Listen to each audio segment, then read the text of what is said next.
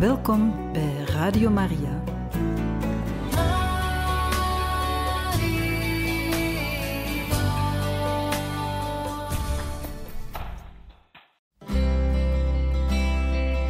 Welkom bij Boekat, een programma van Radio Maria.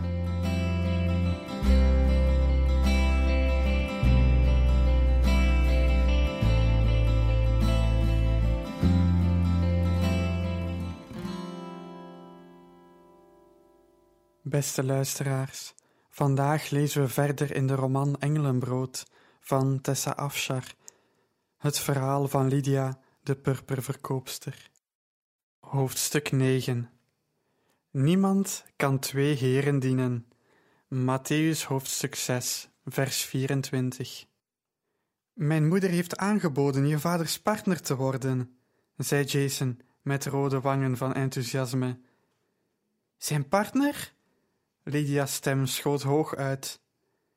Jason zag haar ontzetting voor enthousiasme aan en ploegde door met zijn uitbundige voorstel.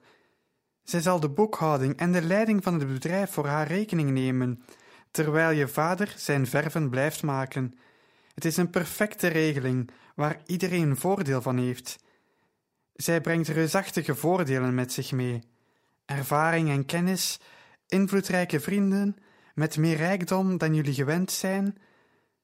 En omdat we Romeinse staatsburgers zijn, hoeven jullie heel weinig belasting te betalen. Jullie inkomen zal onmiddellijk toenemen.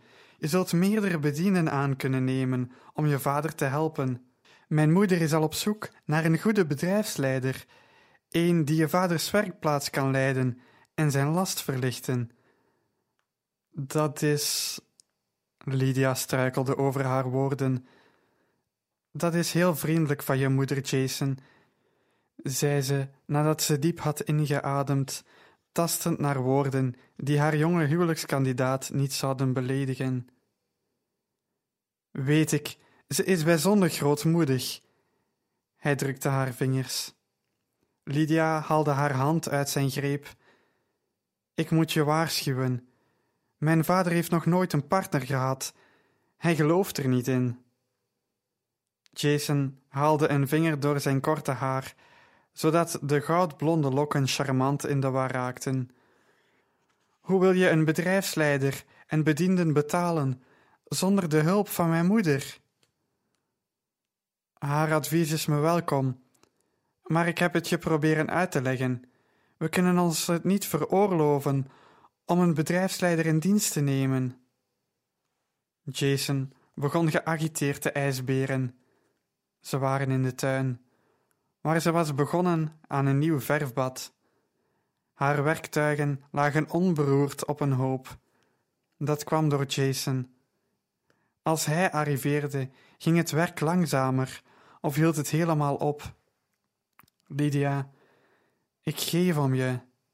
Hij viel op één knie en keek haar aan met smeltende groene ogen. Je moet weten hoeveel ik om je geef. Ik wil dat we samen een toekomst hebben. Maar mijn moeder zal nooit toestaan dat onze vriendschap groeit als je in je vaders bedrijf blijft werken. Ik begrijp het. Dat geloof ik niet. Hij balde zijn hand tot een vuist. Ik ben bereid offers voor je te brengen, om mijn eigen verlangens opzij te zetten en je werk te steunen, omdat ik weet hoe lief je vakje is. Waarom wil je niet voor mij een beetje water bij de wijn doen? Mijn moeder is bereid je te helpen. Ze wil dat het slaagt. Lydia probeerde iets te zeggen, maar haar stem werkte niet mee. Ze schraapte haar keel. Ik. Ik geef ook om jou, Jason. Ik zou voor jou ook offers brengen. Alleen moet je inzien dat het geen offer van mijn kant is. Het bedrijf is van mijn vader. De beslissing is aan hem, niet aan mij. En hij zou geen partner willen, hoe competente ook. Jason's glimlach was als een glimp van de zon na een maand zwarte wolken en onafgebroken regen. Je vader vereert je. Hij zal alles doen om je gelukkig te maken, Vraag hem om deze gunst en hij zal hem je verlenen. Beloof het me, Lydia. Beloof dat je hem erom zult vragen, zodat we altijd bij elkaar kunnen zijn. Ik zal het proberen, zei Lydia in opperste verwarring. Toen hij wegging, keek hij haar aan, zoals een uitgedroogde man in de woestijn naar een kelk koud water kijkt. Hij vulde haar hart tot de rand, die ene blik. Ze was stil aan de avondmaaltijd, haar hoofd vol verwarde gedachten. Een deel van haar wilde dat de hele wereld wist dat Jason, die prachtige, moedige man, om haar gaf. Altijd bij haar wilde zijn en bereid was offers te brengen voor haar geluk. Het was zo'n verbijsterend idee dat ze zich afvroeg of haar verbeelding haar soms parten speelde. Maar als ze dacht aan de voorwaarden voor Jasons verpletterende aankondiging, bevroor haar hart van ontzetting. Hoe kon ze zo'n offer van haar vader vragen? Het werd niets. Ze kon niet ontkennen dat er veel voordelen aan Dionys voorstel zaten. Ook zonder de verlokking van Jasons liefde bood Dione hun financiële stabiliteit, waar ze niet van had kunnen dromen.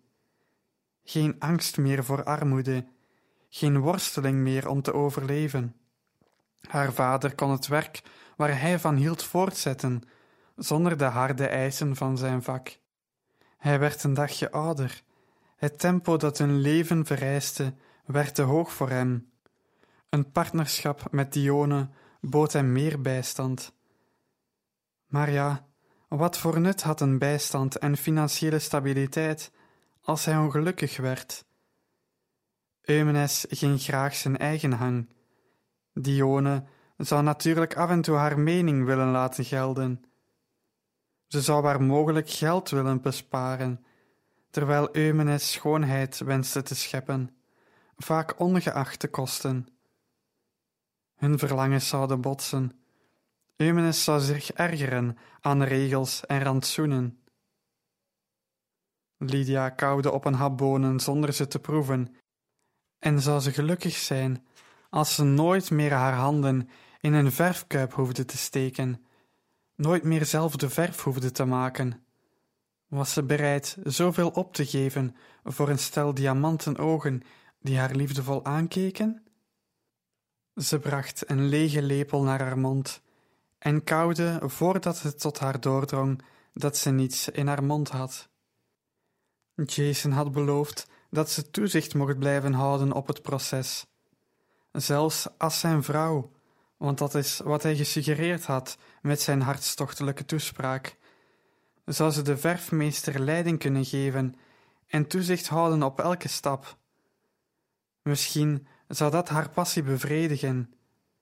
Met hem aan haar zijde was het absoluut meer dan genoeg. Wat ben je stil vanavond? Merkte Eumenes op. O ja? Alsjeblieft, als je nog één lege lepel in je mond steekt en begint te kauwen, dan stik ik. Wat mankeert je, dochter?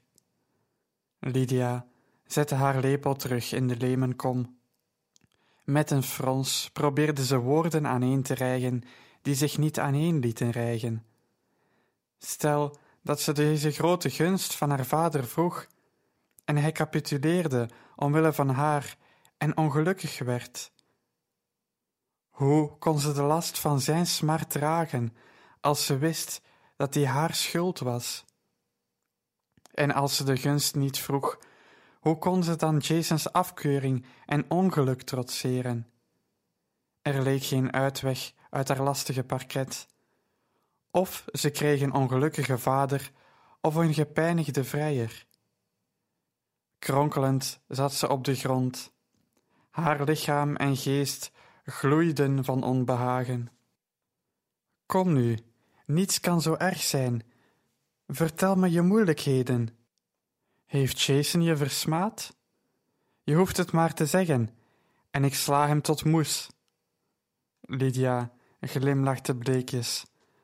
Haar vaders hoofd kwam tot Jasons kin, en hij was te oud om een gevecht met iets wat groter was dan een lam te overleven. Niemand heeft me afgewezen, het tegenovergestelde eigenlijk. Eumenes blies sissend uit. Dus hij heeft je ten huwelijk gevraagd? Niet met zoveel woorden. Eumenes gooide zijn handen in de lucht. Ik heb je moeder gesmeekt om niet te sterven. Ik zei tegen haar dat ik niet in mijn eentje een dochter kon grootbrengen. En zie je nou, ik had gelijk. Deze hele kamer verdrinkt in jouw zwaarmoedigheid. En waarom, vraag ik. De jonge man heeft je ten huwelijk gevraagd. Hij heeft je niet ten huwelijk gevraagd. Het gaat mijn verstand te boven. Lydia begon te lachen. U zult geschokt zijn als ik het vertel, zei ze ernstiger.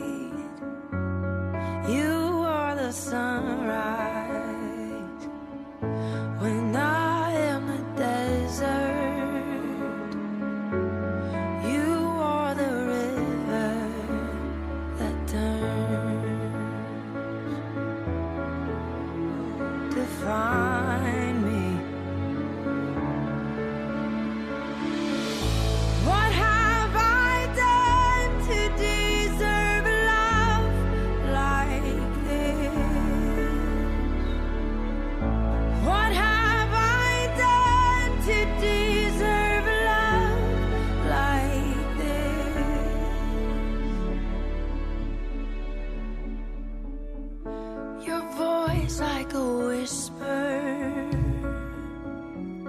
breaking the silence. You say there's a treasure,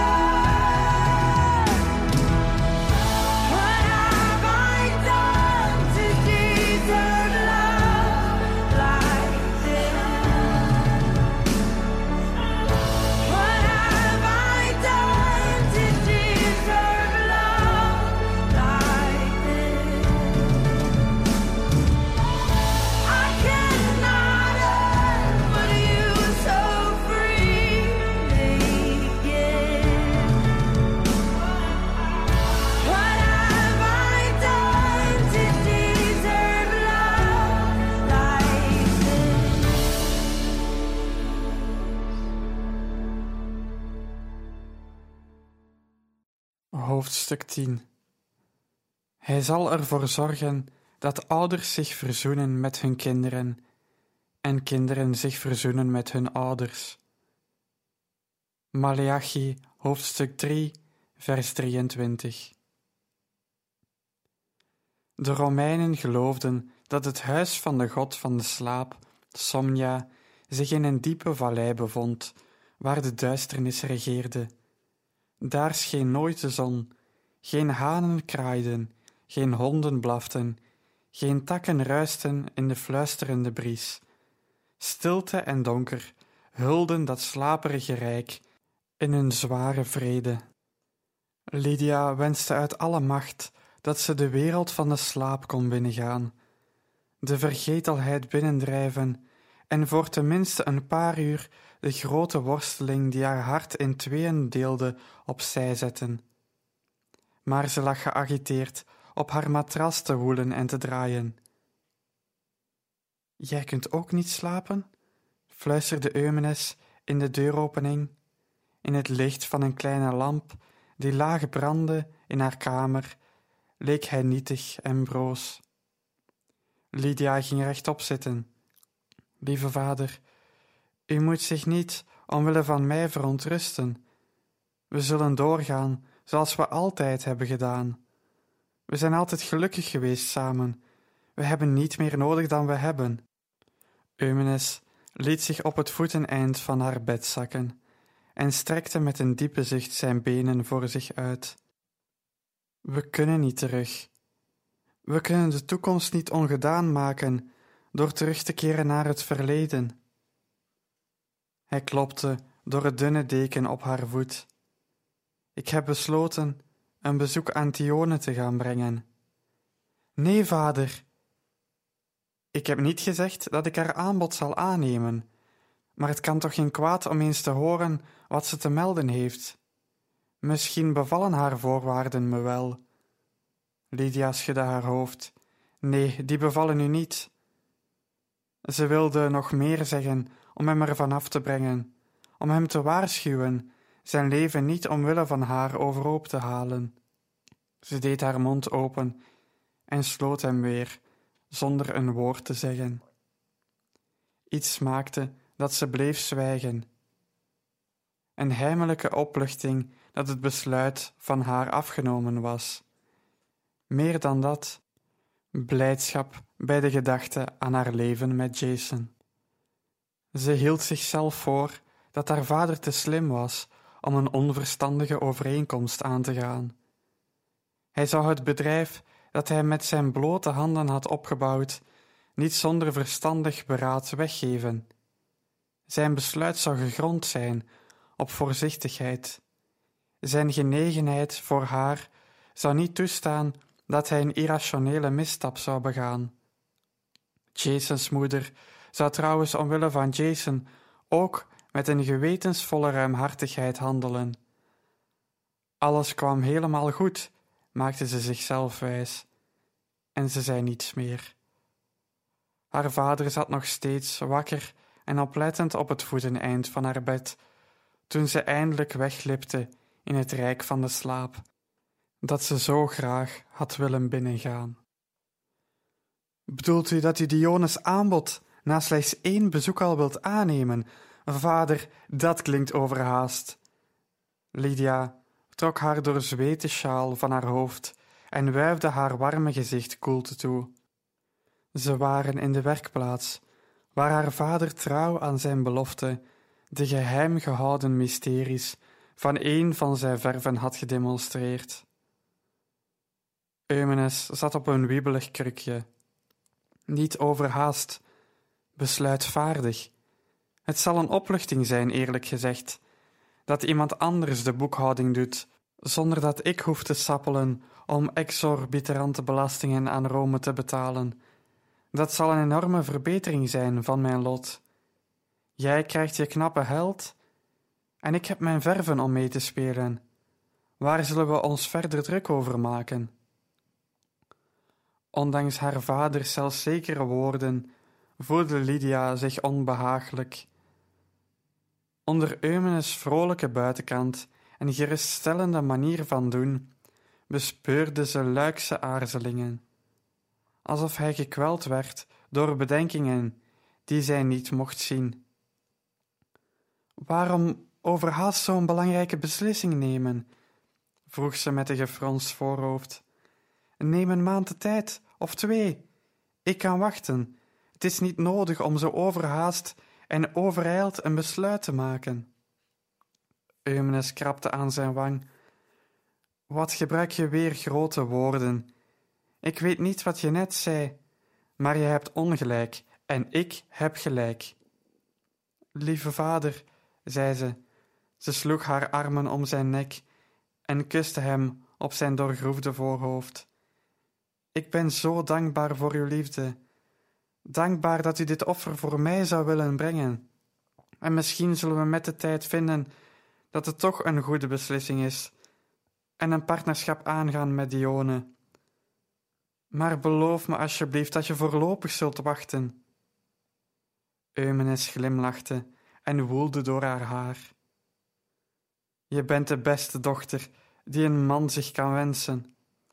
Ik ben zo blij dat je van mij bent. Toen hij de werkplaats uitging, met zachte voetstappen op het geschilferde mozaïek, besefte Lydia dat hij haar hart weliswaar had verwarmd met zijn woorden, maar dat hij haar angst niet had weggenomen met een belofte. De volgende vier dagen gingen voorbij in een waas van drukte. Eumenes leerde Lydia alle aspecten van elke afzonderlijke verf die hij tot dan toe voor zich had gehouden. Hij liet haar elke stap herhaaldelijk oefenen, tot hij er zeker van was dat ze hem correct in haar hoofd had geprent. Lydia was constant uitgeput, maar ze voelde het nauwelijks, want ze ging helemaal op in Eumenes onderwijs en vond zijn onthullingen fascinerend. Ze begreep de nieuwe concepten snel, omdat ze al met zo'n groot deel van het proces in aanraking was geweest, en met elke nieuwe instructie nam haar ontzag voor haar vaders kundigheid toe. Zo boeiend vond ze hun bezigheid dat Jasons ongebruikelijke afwezigheid van vier dagen achter elkaar haar amper opviel. Op de vijfde dag moest ze van haar vader alleen oefenen, terwijl hij een paar boodschappen deed in de stad. Ze hadden hun laatste bestelling uitgevoerd en zaten in een rustige periode. Dus Lydia was die ochtend en aan het begin van de middag bezig met het werken aan de ingewikkeldste van haar vaders formules. Het was al een tweede natuur voor haar geworden. Ze had net een klein verfbad gemaakt en stond in de zon de volmaakte tint en consistentie te bewonderen, toen de tuindeur openging en haar vader binnenwandelde, gevolgd door een graadmagere onbekende. Lydia veegde haar handen af aan een doek en stond op. Lydia, dit is Eriks. Hij is onze nieuwe verfmeester. Lydia keek naar het magere grauwe gezicht van de man en toen weer niet begrijpend naar haar vader. Onze nieuwe verfmeester? Mevrouw Dione stuurt hem met haar complimenten. Mevrouw Dione? Lydia's stem was dun geworden als de armen van meester Eriks. Is dat een nieuw spelletje? vroeg haar vader. Ik zeg wat en jij herhaalt het. Lydia blies de adem uit die ze ingehouden had. U hebt het contract getekend? Eumenes wendde zijn blik af. Ik heb toch gezegd dat ik het zou doen. Nu, ik zal Eriks onze werkplaats en spullen laten zien, voordat ik hem meeneem naar ons geliefde bron. Dan kunnen we met z'n allen aan de avondmaaltijd. Hij aarzelde even en vroeg minder zelfverzekerd: Is er avondeten? Ze sloeg haar armen over elkaar. Dat had u vanochtend moeten vragen, voordat je naar huis kwam paraderen met een nieuwe verfmeester en een ondertekend contract.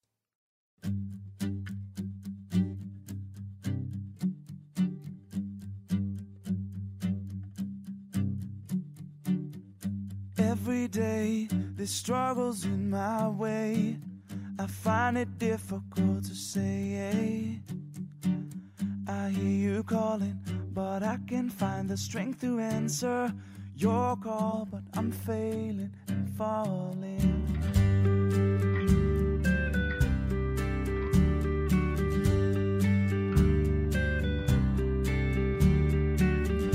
Every day, the struggles in my way. I find it difficult to say. I hear you calling, but I can't find the strength to answer your call. But I'm failing and falling. Longing for that moment I can say. Yes, with all my heart I pray. Lord, have mercy on me again.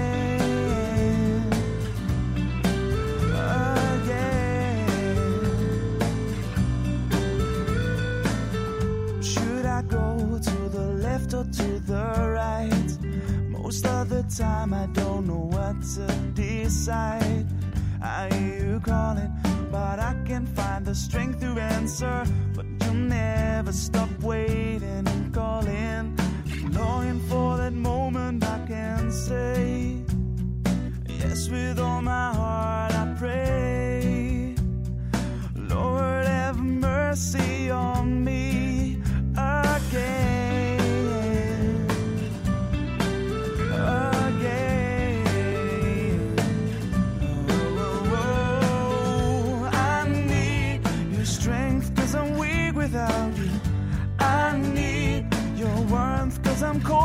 you're not there. I need your comfort cause I'm lonely.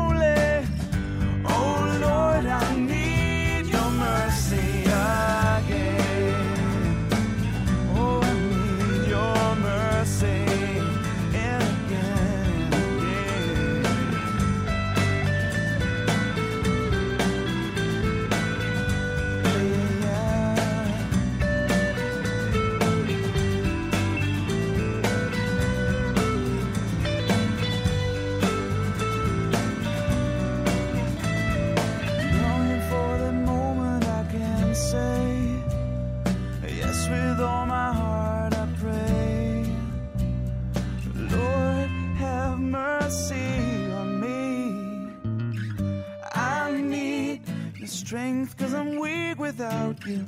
I need your warmth cause I'm cold when you're not there. I need your comfort cause I'm lonely. Oh Lord, I need your mercy. Again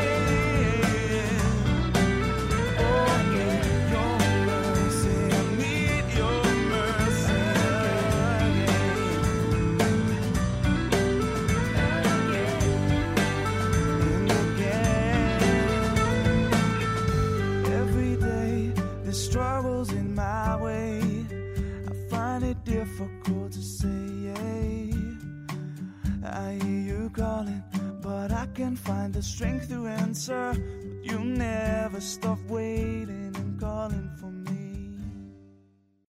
Hoofdstuk 11 Erger je niet aan slechte mensen.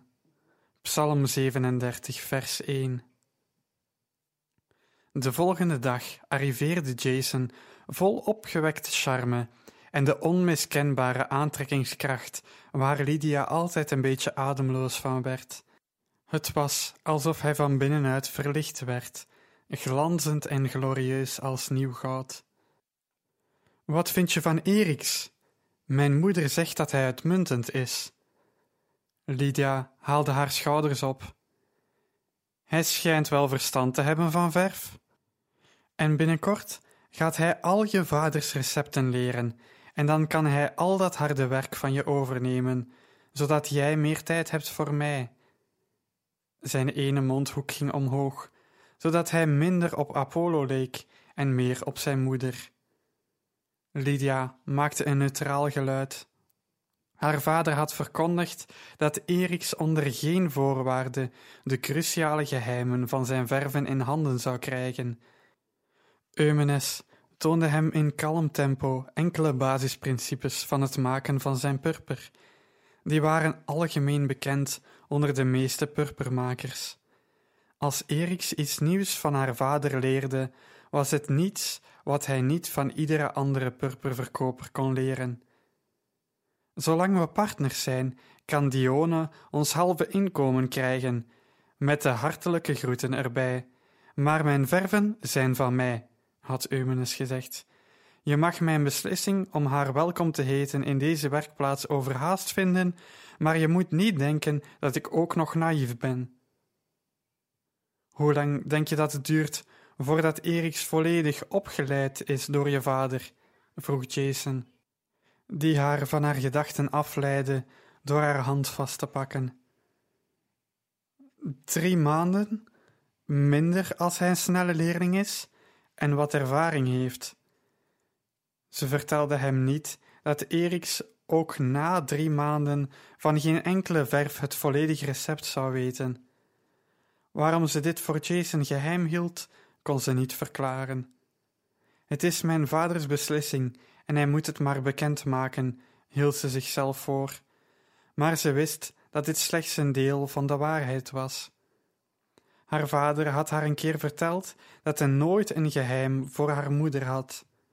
Hun vertrouwen in elkaar was zo volkomen dat hij het zich niet kon voorstellen dat er iets zo ontzettend erg of duister kon zijn dat hij het niet met zijn vrouw kon delen.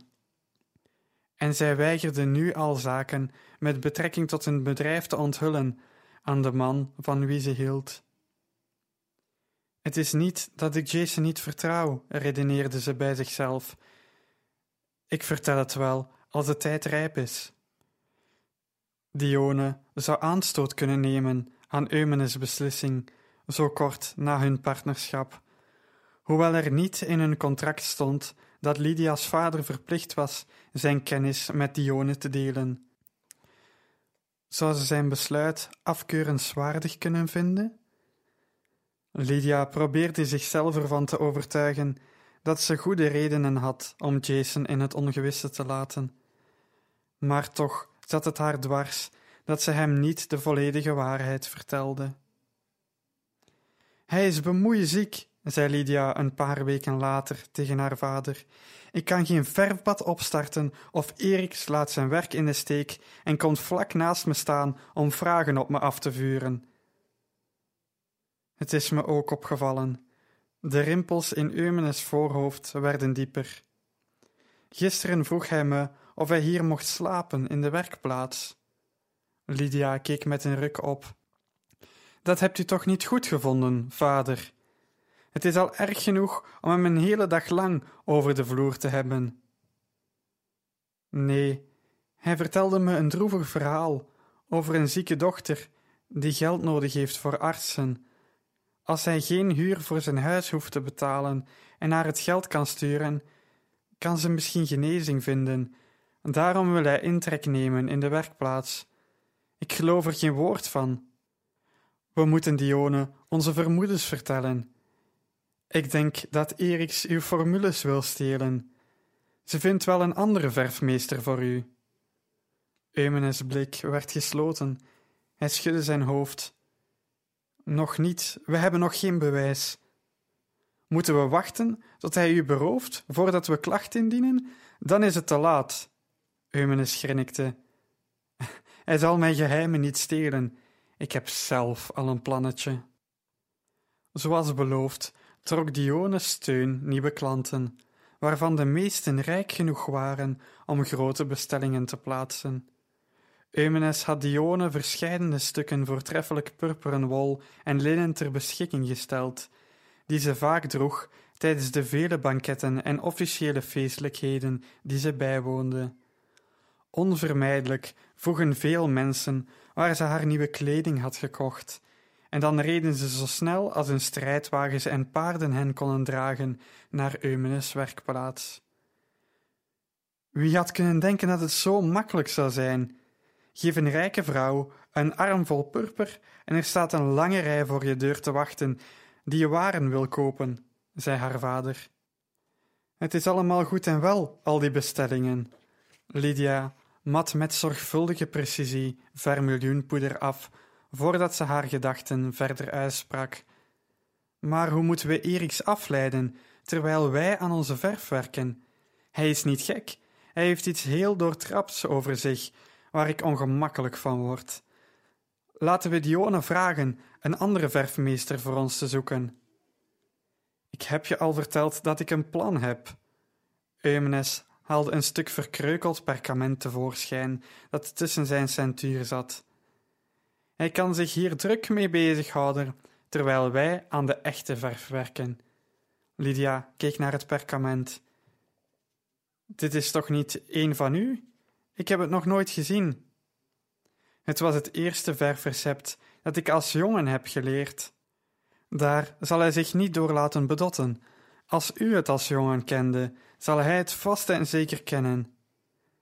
Ik heb er genoeg nieuwe stappen en ingrediënten aan toegevoegd om hem op het verkeerde been te zetten. Lydia bestudeerde het perkament nauwkeuriger.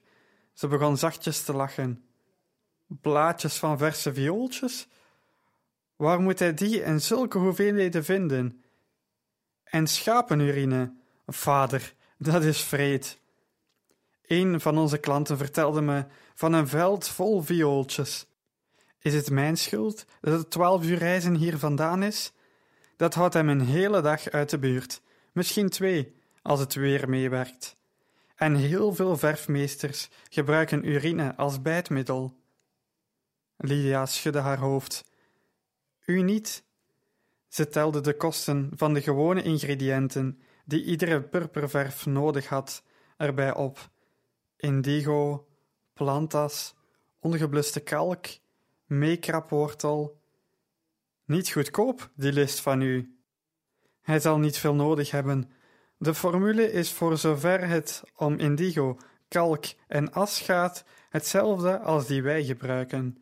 Als dat deel van de verf voltooid is, geef ik hem een klein beetje om onafhankelijk aan te werken.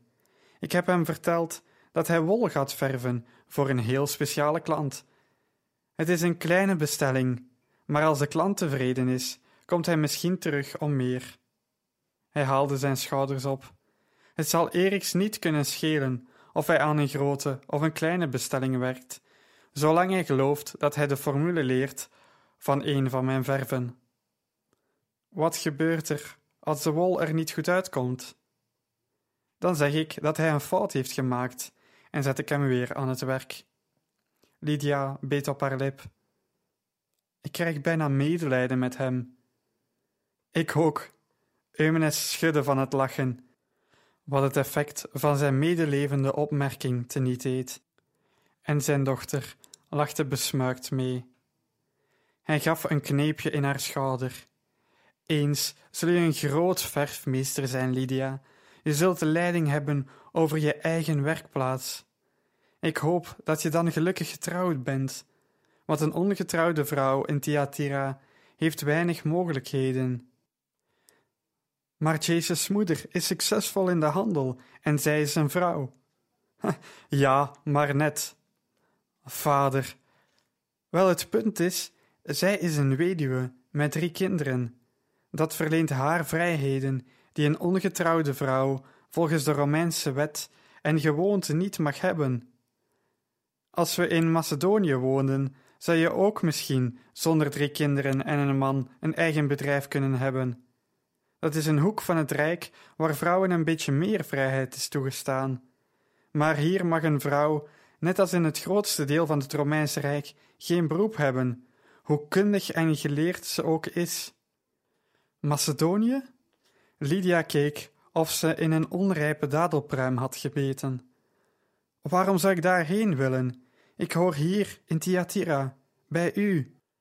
We zullen altijd partners blijven, of ik trouw of niet. En zo, beste luisteraars, zijn we aan het einde gekomen van deze aflevering. In een volgende uitzending lezen we verder uit het boek Engelenbrood, het verhaal van Lydia de purperverkoopster van Tessa Afshar. Tot een volgende keer.